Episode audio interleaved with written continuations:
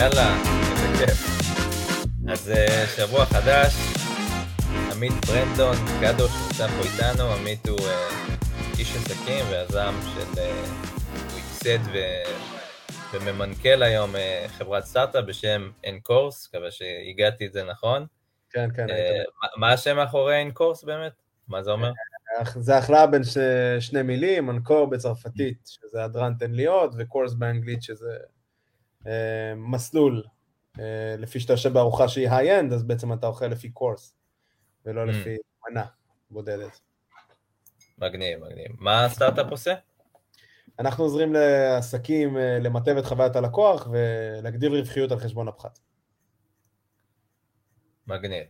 אז הייתי שמח קודם כל להתחיל בנקודה הזאת של, של א', מה ההגדרה שלך לסטארט-אפ, קודם כל, כי אתה יודע, אנחנו בשוק מוצף כזה, וזה נהיה מין חלום כזה ישראלי, רואים אותך, ילד בן 24, ואומרים, אוקיי, מה, מה הוא כבר עשה, מה זה סטארט-אפיסט, מה זה המושג הזה, הקמתי סטארט-אפ, אז א', כאילו, מה בדיוק ההגדרה של זה, איך ניגשים לדבר הזה, אוקיי, יש לי רעיון, איך יוצרים, כל, יש כל מיני את ה-MVP וסטארט-אפ רזה טה, איך ניגשים לדבר הזה שיש לי רעיון בן זונה ומוצאים את זה לפועל. אה, זהו, אז קודם כל, אה, אם אנחנו בכלל נוגעים כאילו בנקודה, בואו בוא בכלל נבין מה זה סטארט-אפ. אה, סטארט-אפ על פי ה... by definition, לפי המילון, זה חברת הזנק, כאשר השאיפה של אותה חברה היא בעצם להגיע למימדים ולגדילה אקספוננציאלית כמה שיותר מהר, זאת אומרת שהגדילה עצמה היא לא משהו שהוא מעריכי, אלא יותר אקספוננציאלי, לחבר'ה שטיפה מבינים קצת בפונקציות ואיך זה עובד, אז באמת גדילה אקספוננציאלית, זה כל הקטע של חברת הזנק, של סטארט-אפ, זה בעצם ליצור משהו מאוד מאוד ראשוני, או ליצור משהו שהוא דומה לו, וסביבו לעטוף אותו בביזנס, כאשר סטארט-אפ יכול להתחלק לשתיים, יש סטארט-אפים שבמהות, בליבת העבודה שלהם זה בעצם ביזנס כלשהו, יש כאלה שבליבת התעשייה שלהם זה טכנולוגיה, לרוב אנחנו פה בישראל, אז הליבת, הליבת סטארט-אפים פה בארץ היא הרבה עוטפת אה, את הטכנולוגיה ולאו דווקא את הביזנס. זה, זה על פי הגדרה בכלל מה זה חברת סטארט-אפ. איך אתה מגיע אה, ללעשות את זה? תראה, זה כל אחד, אה, עולם ומלואו, באמת, זה הכל עניין של מתחיל מהרגע של הרעיון, ויכול להיגמר בהרבה הרבה הרבה... איך אתה התחלת את זה? אתה גית את הרעיון, האמת, נכון? אני... כן, כן, כן, אני ה-co-founder מייסד החברה, ו... האמת שאני אגיד לך מה, אני התחלתי לעבוד, הרעיון נבע מעצם העבודה שלי בשוק הקמעונאי, אני הייתי אה, מנהל מכירות ו marketing אה, של חברת יכין, אה, כאן בארץ, חברת מזון, כולם מכירים השימורים, ובעצם תוך כדי התהליכי העבודה שלי בסופ... מול הסופרים, מול השווקים, ראיתי שבעצם נזרקות כמויות אדירות אה, של מזון, של אוכל טרי אה, של אותו יום, שפשוט נזרק בפח. כן, ואז בעצם אמרתי לעצמי, טוב, אולי כדאי להרים את הכפפה, וזה באמת ככה התחיל, אתה יודע, מאיזשהו... בוא בכלל נבדוק את זה. אה, בוא נראה אם כדאי, בוא נראה מה יש שם בפנים, מה מחכה לי, ו... ופסט פורוורד שנתיים לאחר מכן אנחנו פה. איזה יופי. אז דיברת על זה שזה חברת הזנק, שכביכול התפקיד שלה בסופו של דבר זה, זה מה, זה כביכול להשיג כמה שיותר מהנתח שוק של השוק שלנו, כי הרי הזנק זה כביכול בא קצת על חשבון הרווחים המיידיים, כי אתה צריך להשקיע הרבה יותר בפיתוח בשביל uh, לעבור על הרווחים. אז איך אני כביכול, נגיד כמשקיע, יודע לנתח את זה, כי יש כל מיני פלטפורמות להשקעה בסטארט-אפים, אז איך אני יודע שאתה כביכול, כי הרי אין לך הכנסות קיימות. אני יודע שנגיד בחברות מבוססות, נגיד קוקה קולה, הן מכניסות X, זה המכפיל שלהם, טה-טה-טה. אז איך זה כן. עובד נגיד בסטארט-אפים? בסטארט-אפ אה, יש כל מיני שיטות אה, עבודה, מכפילים בסטארט-אפים זה לא משהו ש... שנכנס בשלב ההתחלתי בכל אופן. Mm-hmm. בגדול, הוורטיקלים שבהם משקיע מחליט לשים כסף בחברה טכנולוגית, הם בעצם מונעים בעיקר מהמידת רלוונטיות של המשקיע לאותו תחום, Mm-hmm. אם זה משקיע שהוא מבין בתחום ובקיא בתחום, אז הוא יעדיף אה, להשקיע בסטארט-אפים שנמצאים שם, כי הוא מבין בעצם את הכשלים, זה מידת הניסיון שלך בשוק והעמקה שלך. אה, חיבור לצוות, כי בסופו של דבר אתה, זה סיכון גבוה. אה, בגלל זה גם מדברים פה על קרנות הון סיכון, ששם זה בעצם, משם לרוב מגייסים סטארט-אפים. קרנות הון סיכון, ולא סתם, כי הסיכון פה הוא פקטור מאוד מאוד משמעותי. איך הם עושים את הערכת סיכונים האלה, זה באמת כל משקיע יש לו את הקטע שלו, לאנג'לים זה פחות, יש איזושהי מתודולוגיית השקעות מסוימת, משקיע אנג'ל זה משקיע שמשקיע בשלבים הרבה יותר מוקדמים בחברה, כשהיא עוד אה, יחסית מאוד צעירה וטריה. אה, קרנות הסיכון יש להם מודל, אה, מודל סיכונים וטבלת רגישויות כזו או אחרת. זה באמת באמת באמת משתנה, לרוב זה מהרלוונטיות של המשקיע לתחום, ובאמת בצוות והניסיון של אותו צוות בתחום הנוכחי. מגניב. אה, א', מה, מה הסיפור מאחורי הלוגו? אני רואה אותו עכשיו ככה, זה כביכול אה, הבנתי. מה הסיפור מאחורי הלוגו? זה, זה קלוש שנמצא בעצם בתנועה, אתה יכול לראות שהאי כאן היא מסתתרת לה, אה, בתוך. ה, בתוך הלוגו עצמו. מי שעשה לנו. את הלוגו זה מי שעשה ל-Airbnb את הלוגו. אז היה לנו ככה צוות מאוד מאוד טוב עם הלוגו הזה. בראייה שלך, אתה, מה אתה חושב שיותר חשוב? כאילו, מה, ש, מה שאתה יודע, מה שלמדת, או את מי שאתה מכיר או הכרת לאורך הדרך? תראה, אני חושב ש... אני לא חושב שזה זה או זה, אני חושב שמה שבאמת מעניין זה מה, זה להבין מה אתה לא יודע וכמה מהר אתה יכול להגיע לשם. כאילו, אני יכול להגיד שזה הדבר אחד שמוביל אותי אה, בכל המהלכים בחברה, אני מדבר על זה המון כששואלים אותי בין אם זה ברעיונות או בהרצאות וכדומה. שמה שמוביל אותי זה בעצם תהליך הלמידה שלי כלפי, כלפי עצמי ואיך הוא בעצם מקרין לחברה. זאת אומרת, אתה צריך להבין מהר מאוד מה הדברים שאתה לא יודע, לא לפחד לעשות את אותן טעויות, ולתקן כמה שיותר מהר. אה, ולהבין איזה טעויות אתה עושה, אה, ובהכרח לתקן את הטעויות המדויקות שייתנו את המענה הטוב ביותר. כי טעויות אתה תעשה ואל תנסה להתחמק מזה, אלא יותר שוט אה, באמת עם הראש קדימה, ותנסה להבין כמה שיותר, כי השוק ייתן את המענה. אמ, אז זה, זה מה שאני חושב. תראה, זה באמת מכלול של המון דברים, חלקם אנשים שמשחק להם המזל עם האנשים שהם מכירים, חלקם פחות. אה, זה באמת ככה, באמת ככה משתנה, אבל אני חושב שמה שאתה לא יודע וכמה אתה יכול להגיע לשם, זה, ה... זה הגיים. אהבתי. אמ, אשמח שנדבר רגע על נטוורקינג וכזה, כי קצת מהסיפורים ש...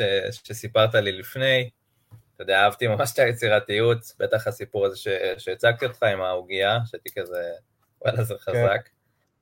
אה, כן, כן. אני זוכר לך עוד סיפור עם הכרישים. כן, נכון? אה, כן, זה סיפור, זה סיפור האמת בפני עצמו, האמת ש...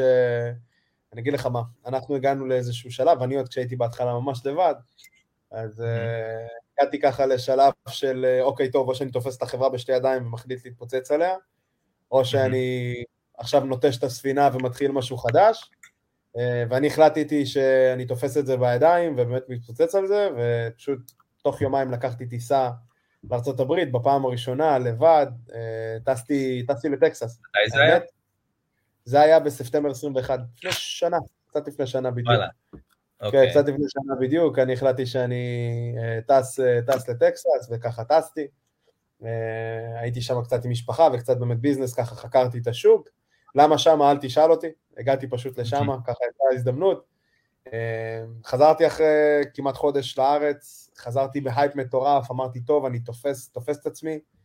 אה, והמזל דפק בדלת, שלושה שבועות אחר כך התקבלתי להרצות בפאנל של IAC, שזה בעצם, שזה בעצם ארגון של Israeli American Council, ארגון מאוד okay. אוקיי. גדול, יש שם אה, כמו ערב של פיץ' מול משקיעים אמריקאים. ואני קיבלתי, אני קיבלתי את ההתראה שהתקבלתי בין שבת לראשון, כאשר הכנס הוא בשלישי בבוקר. זאת אומרת, אחרי הקיזוז של השעות יש לי איזה 36 שעות להיות בניו יורק, אם אני לא טס עכשיו, אני מפספס את ההזדמנות. אה, ותוך אה, שעה ככה קיבלתי את ההחלטה שאני טס, ועליתי למטוס הראשון לניו יורק, עם חולצה קצרה ופליז וג'ינס, הכי לא מסוגנן שיש ולא מתאים ל vibe של ניו יורק. באת עם בלנדסטון לכנס? עם רדבק לכנס, כמו מושבניק טוב, אה, וככה הגעתי. ואני זוכר שזה היה נובמבר והיה שיא הקור שם. אה, אני זוכר שהגעתי לשם ופעם ראשונה בחיי עשיתי הרצאה באנגלית, בשפה שאני לא מכיר, היא לא שפת האם שלי, מול משקיעים בפעם הראשונה. אה, וזה היה, היה הצלחה מסחררת, הכרתי שם כל כך המון אנשים, אנשים היו בכלל בהלם שהגעתי כל הדרך מישראל. אני זוכר שמי שהנחה את הטקס שאל אותי, הוא אומר לי, אתה יודע שזה אה, אירוע רק לסטארט-אפים בניו יורק, כן? אתה טוב, תשמע, אתה יודע, קפצתי, אני כבר פה, 12 שעות טיסה בקטנה, אז אה, אני כבר פה. ואז אה, באמת זה היה סנסציה, והצגתי ככה מול משקיעים בפעם הראשונה, באנגלית, שפה שאני לא מכיר, הכנתי מצגת במטוס, זה היה... די, ענק. כן, זה היה... אתה רואה הבדל בעבודה בין המשקיעים האמריקאים לבין משקיעים ישראלים?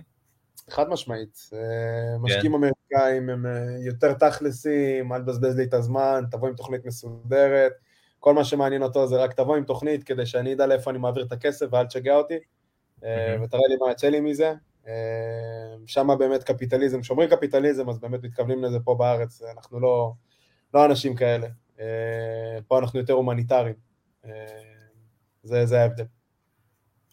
וואלה, מעניין. כן. אני, אני אשמח לקחת אותך לכיוון דווקא אחר, של שיווק עצמי.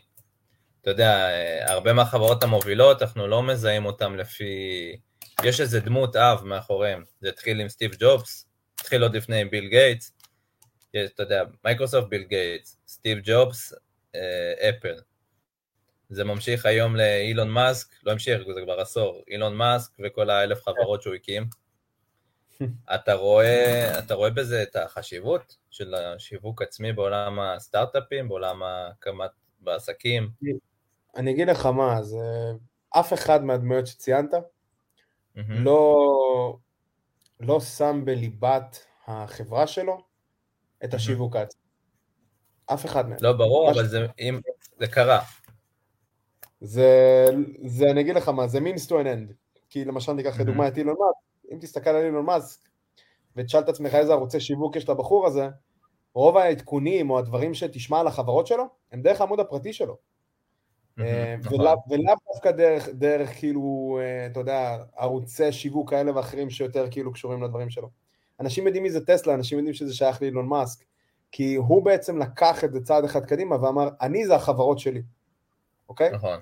וכנ"ל גם, אה, גם ביל גייטס, ביל גייטס בא ואמר, כאילו, אני לא רק ביל גייטס, אני לא רק founder של מייקרוסופט, אני זה שעזר לעשות חתיכת רבולוציה אה, בעולם המחשוב ובעולם ה software.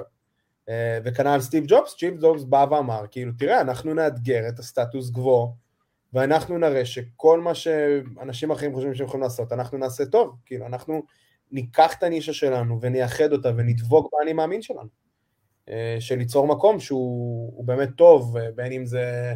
כדרך מוצרי פרימיום, כדרך, אה, כדרך שיווק מאוד יפה, אה, וכן הלאה וכן הלאה. מעניין, מעניין. אה, אתה בן 24, עשית כבר בינתיים איזה כברת דרך ממש מגניבה, אפשר להגיד. צעד וחצי, לא, לא יותר מזה, צעד וחצי. למרות שזה רק ההתחלה מן הסתם. צעד וחצי. רק ההתחלה. ואתה יודע, זה גיל ש... שהרוב די כזה מבולבלים, כי זה מין, יש לנו את המסלול הזה של אה, צבא, טיולון, אה, חופשה מהטיולון, מחשבות כן. כזה עם עצמי, אחר כך קופצים לסיני כי התעייפתי מהמחשבות, ואז גיל 25 אנחנו מתחילים לחשוב על תואר. אה, איך אתה כאילו מצאת את הכיוון שלך? כאילו, כי אני די בטוח שהיית בן 18, לא נראה לי שלהקים סטארט-אפ בתחום המזון, זה המאצ'אפ. האמת להגיד לך, בגיל 18 אני הקמתי את המיזם הראשון שלי לפני כן. אה, בגיל 18 אני הקמתי מיזם, היה לי אז פטנט בתחום הסלולר, היה לי מגן אה, מודולרי בעל שלושה שכבות עם תבנית מסוימת בתוכו. די, אוקיי. שמעצימה את הקושחה של המגן ואת העמידות ב-45%. היה, היה מגניב, אני פעם ראשונה שנפגשתי עם משקיעים וקרנות, אה, זה היה, זה היה, זה היה התקופה הזאת, בגיל 18 זה הפעם הראשונה שדיברתי עם קרן ישראלית שתשקיע במוצר שלי. אה, וזה היה מאוד מעניין. אה, ו- וזהו, אז כאילו, כן, אני אישית, זה, זה בא לי מגיל מאוד צעיר, אה, כל, ה- כל הקונספט של ללכת לעשות. תראה, אני חושב שכל אחד מאיתנו, יש לו את, את הזמן שלו, את הטווח שלו, אני חושב שזה עניין של כמה רחוק אתה מוכן ללכת, כמה אתה רוצה לאתגר את עצמך ולעשות דברים מסוימים. וזה, וזה באמת מה שמשנה. וזה, איך אבל, איך אתה מחזק את, אה, בוא נגיד, את שריר התקווה? כי אני די בטוח, אחי, שיש לך, אתה יודע, בסופו של דבר זה מסע. סטארט-אפ, מן הסתם, ולהקים כל דבר, בטח בהתחלה, זה הכי קשה שיש. ואתה במחשבות כזה, אנחנו במין, במין עידן של פובו, בעידן של, יש מצב שאולי אני מבזבז את הזמן שלי, אתה יודע, יש את המושג הזה בעסקים של ה-opportunity cost. נכון. קיבלתי החלטה, מה העלות של אותה החלטה. אותו דבר בזוגיות, אותו דבר בכל כך הרבה דברים. יכול להיות שאני יוצא עם הבת זוג הלא מתאימה ואני מפספס את הבת חיי הבאה. אני אגיד לך מה, יש לי, יש לי תשובה מאוד מאוד אה, פשוטה לזה, אנשים לא אוהבים את זה כל כך, אבל פשוט, היא, היא באמת באמת תשובה שהבנתי שהיא זאת שמכריעה בסופו של דבר. יש דברים שאנחנו לא אוהבים להשאיר ליד הגורל, ואנחנו מרשים לעצמנו להגיד שאנחנו שולטים בהכל, בכל אספקט בחיים שלנו, אנחנו לא מבינים כמה אין לנו שליטה על כלום ושום דבר. אנחנו תמיד מנסים לשלוט על דברים שהם לא בגבול האחריות שלנו לשלוט בהם, בכל האלמנטים החיצוניים, חוץ מעצמנו. אם אתם תבינו מהם הדברים שנמצאים בחזקת האחריות שלכם לשלוט בהם, יהיה לכם הרבה יותר קל להבין מה ה-opportunity cost שלך. אה, כי אני אגיד לך מה, כשאני התחלתי את זה, לא היה לי איזה opportunity cost, היה לי אינטואיציה ואמרתי לעצמי, אוקיי, טוב, אני מאמין ביכולת שלי ללמוד, אני מאמין ביכולת שלי לגדול, לא נולדתי מנכ"ל, לא נולדתי יודע את הדברים האלה, ובטח שלא לא נולדתי סטארט-אפיסט או הייטקיסט, ו... ואמרתי לעצמי שה-opportunity cost היחידי שיש לי להפסיד, זה אם אני לא אקח את ההזדמנות הזאת. ופשוט רצתי על זה, אמ, והבנתי כאילו מה ה-level of commitment שזה מצריך מעצמי, ונכון, לפעמים זה מעמיד אותך במצב שאתה עם הגב לקיר, אמ, ובגלל שאנחנו נמצאים בעולם שיש לך כל כך הרבה הזדמנויות מסביב, אז אתה אומר, טוב, אני לא יודע במה לבחור. אבל פה. נכנס האלמנט של ללמוד להכיר את עצמך, ללמוד להכיר מה טוב עבורך. אמ, מה אתה יותר אוהב, מה החוזקות של עצמך, אני למדתי המון המון המון על עצמי, למדתי מי אני לפני שהתחלתי בכלל את כל הדברים האלה. אה, הסל, וזה פה ברמה הפילוסופית, הסלף דיסקאברי שלי הרבה יותר ארוך אה, מאשר, אה, מאשר לפני שנכנסתי בכלל לעולם העסקים. זה, זה די מזכיר את הפילוסופיה הסטואית, ואני די בטוח שלקחת הרבה חלקים משם. אני יכול לומר לך שאני, כן, אני חוקר את זה ואני מאוד מאמין בזה, זה, זה אני. כן. זה, כל כך פשוט, אבל עם זאת זה כל כך קשה ליישם את הדבר הזה. להבחין בין מה יש לי שליטה עליו לבין מה שלא. אתה יודע, הדיכוטומת השליטה הזאת של. כן. של, אתה יודע, זה קל להגיד את זה מבחוץ, ולהגיד של, אה, לא יודע, עכשיו נגנב לי תיק, או הטלפון ברכבת, ואני חרבן לי את היום, ולהגיד, קרה, דברים כאלו קורים. אתה יודע, אה, לא זוכר איזה פילוסוף אמר את זה, אבל הוא אמר, תתחילו להגיד לכם כל בוקר, היום הולך לקרות משהו רע. היום הולך לקרות משהו לא צפוי. זה העולם. הולך לקרות משהו שלא ציפיתי לו. ואתה, ברגע שאתה יודע את זה, ברגע שאתה מבין שיש דברים שלא פיירים, דברים שמשתבשים, זה החיים. זה, זה מרגיע באיזשהו מקום, זה מרגיע שיש דברים שאין מה לעשות, אתה יודע, לצערי כולנו נחווה איזה דברים קשים כאלו ואחרים. תראה, ופשוט אני... לקבל את זה כמו שהם. אם יש, אם יש באמת משפט שאנחנו צריכים לזכור, כי אנחנו לא מרשים לעצמנו לזכור את זה. אף פרח או שום דבר בטבע לא פורח כל השנה. אז אוקיי. תהיה עדין עם עצמך, כאילו, אתה לא חייב להצליח כל הזמן. אתה לא חייב אה, לדעת כל דבר כל הזמן. אוקיי? אנחנו לא צריכים להחזיק את כל התשובות אצלנו בקלפים. לפעמים אנחנו צריכים לסמוך. צ'אנסי היא דבר מאוד מאוד חזק. מאוד מאוד חזק. מה שאנחנו צריכים להיות זה פתוחים לשינוי. וכמו שאתה אומר, זה, זה קל מאוד להגיד את זה, זה קשה מאוד ליישם את זה, אבל אני רוצה להגיד לך שברגע שאתה מסתכל על זה בעיניים, זה לא כזה פשוט כמו שחושבים. אתה מתחיל בקטן. אתה מתחיל מ... מלהעמיד את, את, את עצמך מחוץ לאזור הנוחות, ובמקום להסתכל על זה ולהגיד, אוי, כמה מפחיד שאני נמצא מאזור הנוחות, תגיד, כמה זה מרגש, ולא כמה זה מפחיד. זה הכל עניין של פרספקטיבה. אה, וזה מה שהוביל אותך. זה גם, רוב ההחלטות העסקיות שקיבלתי, זה באמת היו, כאילו, כמה אני מתרגש מאותה החלטה, כאילו, מה זה, מה זה מבהיר בי.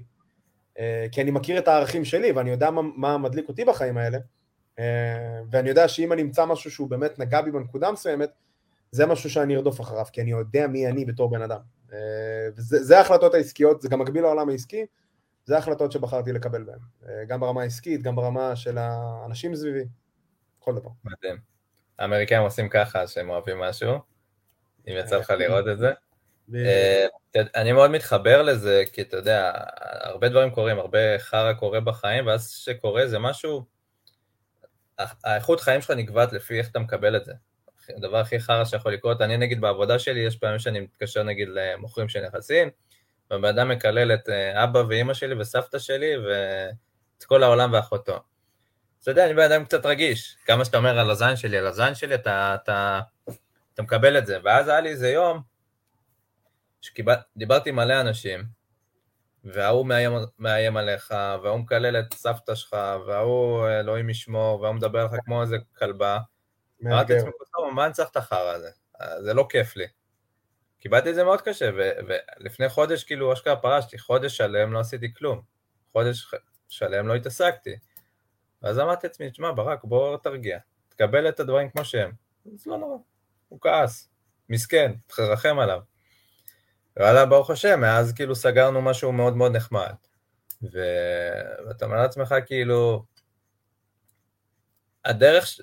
כל כך הרבה דברים קורים ועוברים לידינו, אתה יודע, יש מישהי שפתאום נשבר לה עלק ג'ל, הרגת לה את היום. יש גם כאלה, כן, יש גם כאלה. אתה יודע, יש לי חבר... אנחנו לא כאלה, משתדלים להיות לא כאלה. זה עבודה, זה עבודה, אין ספק, זה עבודה אינסופית. זה השאלה כמה אתה מוכן להשקיע בעצמך. זו השאלה שאתה צריך לשאול את עצמך. כמה אתה מוכן להשקיע בעצמך באמת? איך אתה יודע אבל מה רלוונטי? כי אני בטוח שבסטארט-אפ, שאתה יודע, אתה בסופו של דבר ליישם את הדבר הזה ואתה מתמודד עם כל כך הרבה לחצים, משקיעים ועובדים ואגפים כן. ולהשתפר פה ולעשות פה, איך אתה מקבל את ההחלטה מה רלוונטי לך לתקופה הקרובה? כי בסופו של דבר, אתה יודע, אנחנו המש... המשאבים שלך מן הסתם מוגבלים, אתה לא אמזון, אתה לא מייקרוסופט. גם המשאבים שלהם מוגבלים, של כולנו, יש לנו של זמן. של כולנו מוגבלים, נכון. גם יש 24 שעות. נכון. לא מקבל שעה יותר ביממה. אה, תראה, מבחינת, אה, מבחינת ניהול, אני חושב שזה דברים שלי יצא ללמוד על הדרך, אבל, אבל הרבה מזה היה מהמקום שהגעתי ממנו. אני חושב שביום שאתה יודע לנהל את עצמך, אתה תוכל לדעת לנהל גם דברים אחרים. Mm-hmm. כי זה מקרין ברמה האישית וזה מקרין לחברה. אם אתה בעצמך מבולגן ומסודר, ולא מסודר, לא תוכל לנהל חברה. אתה צריך ללמוד להיות בחיים שלך, של, של עצמך, כדי לג... לדעת את הדברים האלה. מבחינת שיקולים, מסתכל, הייתי מפרק את זה באמת למנות מאוד קטנות, כאילו הייתי מסתכל על זה כדיילי, אמ, יש משימות בפריוריטי שאתה מסתכל ואתה אומר בעדיפות עליונה, מה הכי הרבה אימפקט אני יכול להפיק במהלך היום, ויש משימות שהן יומיות, יש משימות שהן שבועיות, יש דו-שבועיות ויש חודש, ואז אתה מחלק את זה באמת לפי כל אחד והפריוריטי שלה, בהתאם אה, למה שאתה רוצה לעשות ולהשיג, לפי איזה, אתה יודע, לפי איזה KPI מסוים שאתה מגדיר לעצמך אה, בסוף כל תקופה, סוף חודש, סוף רבעון, חציון וכולי וכולי. וככה היינו מתקדמים, אה, באמת מחלקים את המשימות ודואגים להיות עם היד על הדופק ורצים קדימה. יש איזה כלים מסוימים שאתה, שעוזרים לך עם כל הקבלת החלטות וניהול זמן, כלים טכנולוגיים, לא יודע מה, גוגל, Google Calendar גם. כן, כן, אני, קודם כל, קודם כל, כל מה שחינם זה טוב. כן. כל מה שחינם זה טוב. אה, אנחנו ספציפית משתמשים, לא יודע, בגוגל, אני אישית נוח לי בגוגל, השותף נוח לו ב... אה, ב Microsoft Office, כל אחד באמת עם איזה, אין איזה אמת אחת, כל אחד באמת מה שנוח לו. אה, כן לדאוג שזה משהו שתתמיד בו, כאילו לא, calendar, אה, לוח, לוח שנה ולוח זמנים זה לא עונש, זה לא עונש להכניס דברים לסקייג'ואל, זה לא עונש, זה לא עונש לעמוד בזמנים, זה לא עונש לסדר לך סדר יום או שגרה, זה לא עונש, זה דבר דווקא מבורך, זה יעזור לך להתקדם. אני יכול לומר לך שיש לנו איזשהו סוג של מקבץ יועצים שעוזר לי אה, לקבל החלטות אה, יותר מושכלות, אה, חלקם אנשים שעשו יותר, חלקם אנשים שעשו פחות, ובאמת אתה מתייעץ איתם. איך נראה היום-יום שלך ברגיל?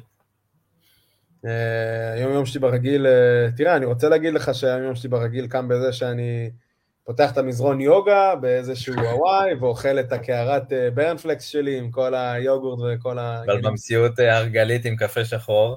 במציאות, קצת יותר, לא, יש טיפה יותר סטנדרט מהרגלית, אנחנו לא במילואים, אבל אתה יודע. אה, תראה, קם בבוקר, קודם כל אומר תודה, אה, למי שצריך להגיד תודה, אה, בין אם זה לדברים יותר גדולים ממני, לפעמים מניח תפילין, לפעמים פחות. דואג לאכול ארוחת בוקר, זה חשוב, זה חשוב, חשוב, חשוב, לקום ולאכול ארוחת בוקר. ואז... אני יודע, ואז, ואז, ואז קדימה.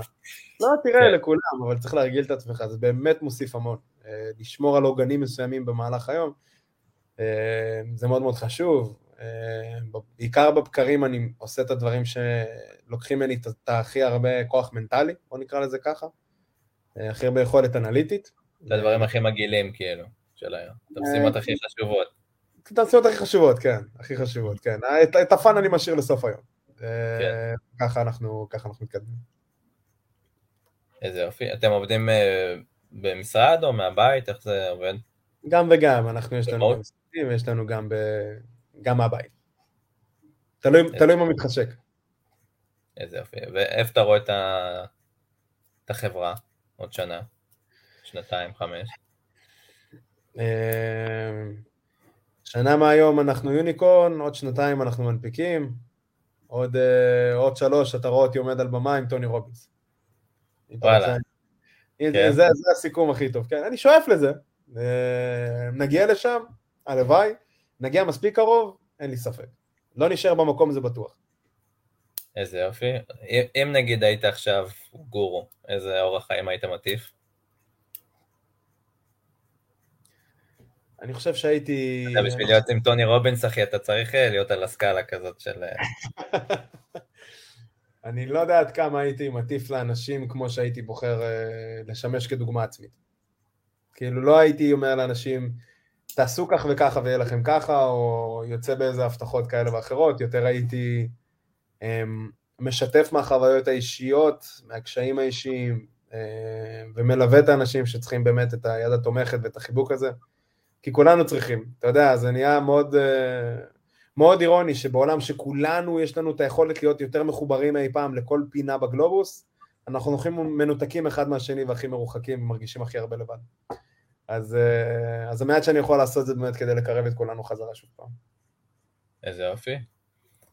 אה, מה עוד רציתי לשאול אותך? רציתי לשאול אותך על כלים לבניית סטארט-אפ, כי אני בטוח שיש הרבה אנשים שבקהל ומקשיבים לנו עכשיו ויקשיבו לנו גם אחר כך, שאתה יודע, שאני בטוח שיש להם רעיון מהמם, ובטוח כן. שיש מצב שיש להם היתכנות, אבל אה, אתה יודע, מייקל ג'ורדן אמר שאתה מפסיד 100% מה... מה מהזריקות שאתה לא זורק. הרבה אנשים פשוט לא זורקים. אז א', איך אני בודק שיש דבר, היתכנות, למי פונים? כאילו, איך אני יוצר MVP, מה זה MVP בכלל? MVP זה, הגדרתו זה נקרא minimum viable product, זה בעצם המוצר המינימלי, איתו אתה יכול לצאת לשוק כדי להוכיח את, ה, את התזות אותם אתה מחפש להוכיח. זה על פי ההגדרה היבשה, MVP זה טיפה הרבה יותר מזה. MVP זה המבחן שלך עם עצמך לדעתי. כאילו זה מבחן לבוא ולהגיד, אוקיי, טוב, אני הנחתי הנחה מסוימת שיש בעיה כזאת ואני יכול לפתור אותה בעזרת X, mm-hmm. וזה הדרך שלי לפתור, זה הדרך שלי להביא את X כאילו לשולחן.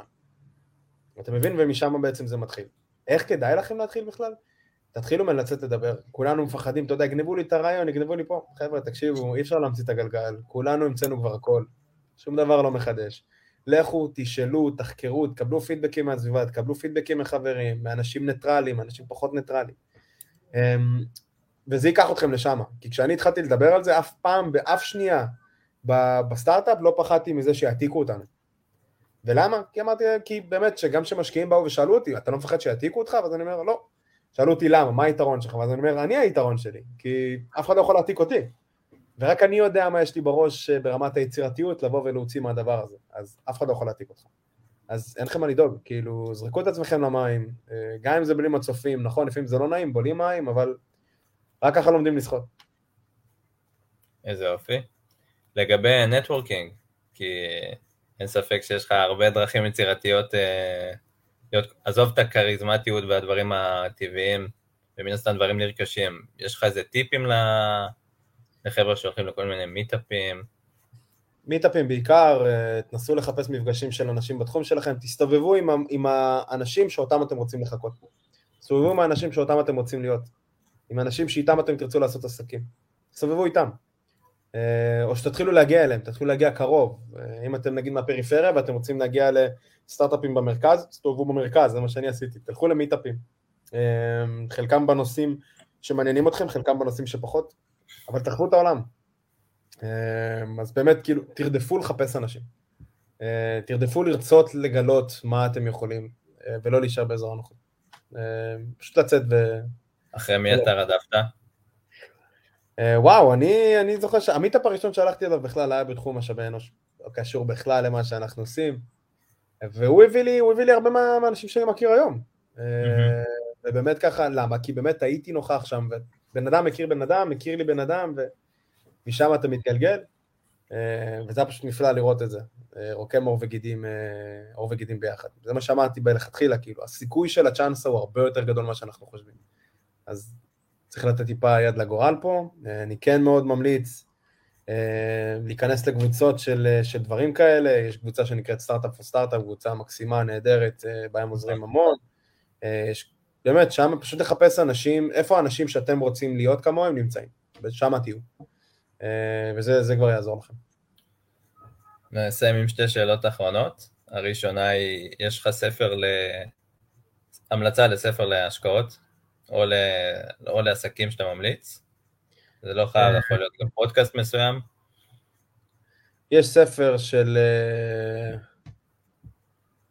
אה, לא זוכר איך קוראים לו, לא נראה לי הוא פה אצלי, אה, שנקרא Thinking Fast and Slow, לחשוב לאט ומהר. אה, דניאל קנמן, לא? דניאל קנמן, כן, דניאל קנמן. זה ספר מקסים לדעתי, מבוא אחד, מבוא אחד לאחד לקבלת החלטות. אם אתה מחפש משהו שהוא אה, פחות, אז אני מניח שכולם מכירים את אבא עשיר אבא עני, אני חושב שזה יסגור פינה לכולם. אה, כן, כן, זה, זה מבחינת הספר. שאלה הבאה, איפה מוצאים אותך? אני עכשיו מתעניין, ראיתי את הטאטה, מעניין אותי מה אתה עושה, איך חוקרים עליך יותר, מה אתם עושים. חופשי לינקדין, אה, פייסבוק, אינסטגרם. תריצו הודעה, תרגישו חופשי, אני בדרך כלל זמין, אני משתדל לענות לכולם, אה, קצת עמוס אם אני עולה בדיליי, אז אה, תודה על הסבלנות, אבל אה, אני באמת נגיש, כאילו הרבה אנשים יותר נגישים ממה שאתם חושבים, תפנו אליהם, תפנו אליי. אנשים אוהבים לעזור, אנשים, אתם, לא, אתם תופתעו לגלות כמה אנשים אוהבים לעזור. תוך כדי זה. אז באמת פשוט עניין של לבוא, לשאול, כמו שאתה עשית, אותו דבר. אז זו השיטה הכי טובה. מסכים, מסכים. טים פרי סיפר על זה פעם אחת באחד הרעיונות אותו, הוא סיפר ש... שהוא פעם רצה אה, להתחבר לאיזה מפורסם אחד, אז הוא אמר לו, אה, שמעתי שיש לך את הספר ההוא. קיצור, ביקש ממנו להשיל ממנו ספר. טים פריס, זה מפורסם שהוא רצה להיות איתו בחיבור. ואותו בן אדם באמת השאיל לו את הספר לשבועיים, ואז בזמן הזה הם באמת התחברו, זה יצר לו איזה חיבור כזה ראשוני, ובגלל שהוא כביכול עזר לו, אז, אה, אז זה יצר חיבור הרבה יותר טוב. אז הרבה אנשים מאוד מאוד אוהבים לעזור. אה, נכון. שוב, תלוי בסיטואציה, לא רק לשאוב מידע, לראות גם איך אפשר לעזור לצד השני, אבל הרבה אנשים באים מגישה כזאת של אה, אני רוצה להיות בן אדם טוב, רוצה לעזור, להעביר. את זה הלאה. נכון. זהו, תודה רבה על הזמן. אם יש לך עוד משהו להוסיף, זה הזמן.